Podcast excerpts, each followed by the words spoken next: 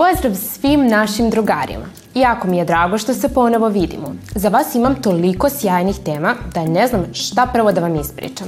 Ali hajde polako da krenemo od onih najvažnijih. U današnjoj emisiji saznaćemo sve o kalendaru pod nazivom Zašto su tate važne. Vesti o 11-godišnjoj devojčici koja je postavila svetski rekord. Nepotrebne informacije koje su vezane za praznike kakva nas vreme očekuje sutra. U naredne dve minute čućete jednu stvarno sjajnu i inspirativnu priču koja naravno, osim da vas informiše, služi da vam da neku ideju. Kalendar Zašto su tate važne je pokrenula grupa Tate Novosađani, a ilustrator Bob Živković se pobrinuo da prikaže tate na duhovit i zanimljiv način. Kalendar Zašto su tate važne pokrenula je grupa Tate Novosađani, a ilustrator Bob Živković pobrinuo se da prikaže tate na duhovit i zanimljiv način. Prva ideja je bila da napravimo majice Tata je važan, e, koje će predstavljati sve tate Novog Sada koji su članovi grupe Tate Novosađani. Međutim, kasnije kroz neku priču mi smo došli do ideje zašto ne bismo napravili neki kalendar jer se približava nova godina sa nekim uh, zanimljivim sadržajima, zanimljivim slikama koje bi on odradio i koje bismo onda u humanitarne svrhe mogli da ponudimo našim sugrađanima.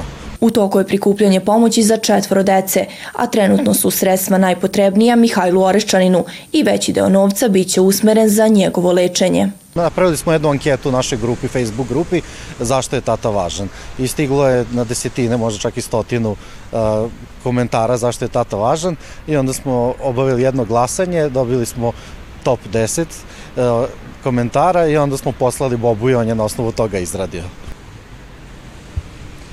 Tata je jako važan jer zna sve najlepše priče. Jedan je od 12 razloga koji su tate novosađani naveli u ovom kalendaru. Jedan takav primerak možete poručiti preko njihove Facebook stranice i košta 900 dinara. 11-godišnja Tilly Williams je zadobila titulu najbrže devojčice na svetu, nakon što je pobedila tinejdžere i neke odrasle osobe u trci na 5000 metara. Ona je ovu razdaljenu pretrčala za samo 17 minuta i 22,7 sekunde. Tilly je počela da trči pre samo dve godine i odmah se popela pravac na vrh. Kada je saznala koliki je bio prethodni rekord, odlučila je da sebi da šansu i da se pridruži takmičenju. Od uvek je volela sport, a pored trčanja bavi se i biciklizmom i planinarenjem. Ona prosto obožava sve vrste avantura. Njen san je da se takmiči na olimpijskim igrama u 2032. godini. Naš kolega Strahinja Radosavkić prosto ne može da dočeka novogodišnje praznike. Već je pripremio činjenice vezane za doček nove godine u našoj rubrici Nepotrebne informacije. Ako niste znali zašto se početak nove godine obeležava baš 1. januara, sada ćete saznati.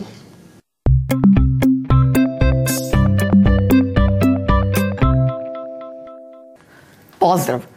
Kako nam se približava doček nove godine, spremio sam neke najzanimljivije činjenice baš o tom danu. Januar se baš tako zove i obeležava zahvaljujući Gaju Juliju Cezaru koji je promenio kalendar i odlučio da će se baš ovog dana obeležavati prvi mesec naredne godine. Sigurno ste se nekad zapitali kako se nova godina proslavljala ranije. Pre oko 2000 godina u Mesopotamiji nova godina se proslavljala 20. marta, kada se dešava prolećna radnodnevnica. Smatra se da je mesec januar dobio ime po rimskom bogu Janusu, koji se smatrao bogom početaka i prelaza. Po rimskoj mitologiji on je imao dva lica, jednim je gledao napred, a drugim nasad. Prvi narod koji dočekuje novu godinu su stanovnici ostrava Karibati u centralnom Pacifiku, dok američka Samoa novu godinu proslavlja poslednja. U vreme pre interneta za novu godinu su se slale čestitke. Najveći rekord ikad iznosio je 7 milijardi čestitki za jednu godinu. Prva veštačka jelka, poput oni koje danas većina nas koristi i ukrašava u svojim domovima, napravljena je u Nemačkoj od gušćak perija. Najveća novogodišnja jelka ikad bila je visoka čak 67 metara. Bila je postavljena u jednom tržnom centru u Americi, u gradu Sijetlu. To bi bile sve najvažnije činjenice u dočeku nove godine, a vi samo bacite na ukrašavanje jelki i dekorisanje svojih domova, pošto nam se nova godina stvarno približila. Pozdrav! Dobro.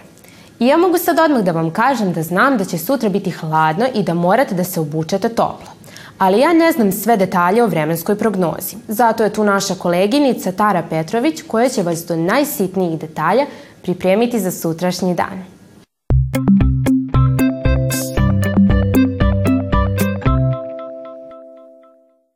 Ćao, drago mi je što se ponovo vidimo. Kako sam saznala iz mojih pouzdanih izvora, sutra možemo očekivati kišu, ali naravno praćena je i gustim sivim oblacima, tako da ne dozvolite da vas to iznenadi. Kako su najavili i vetar. Topla odeća je sutra obavezna.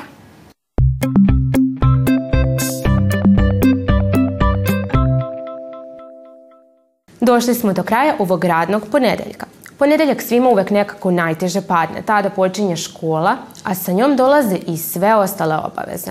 Zato smo mi tu svakog radnog dana da vas zabavimo i informišemo ovih 10 minuta, ali i da napravite predah uz našu emisiju od svih domaćih zadataka. Vidimo se već sutra sa nekim novim temama. Doviđenja!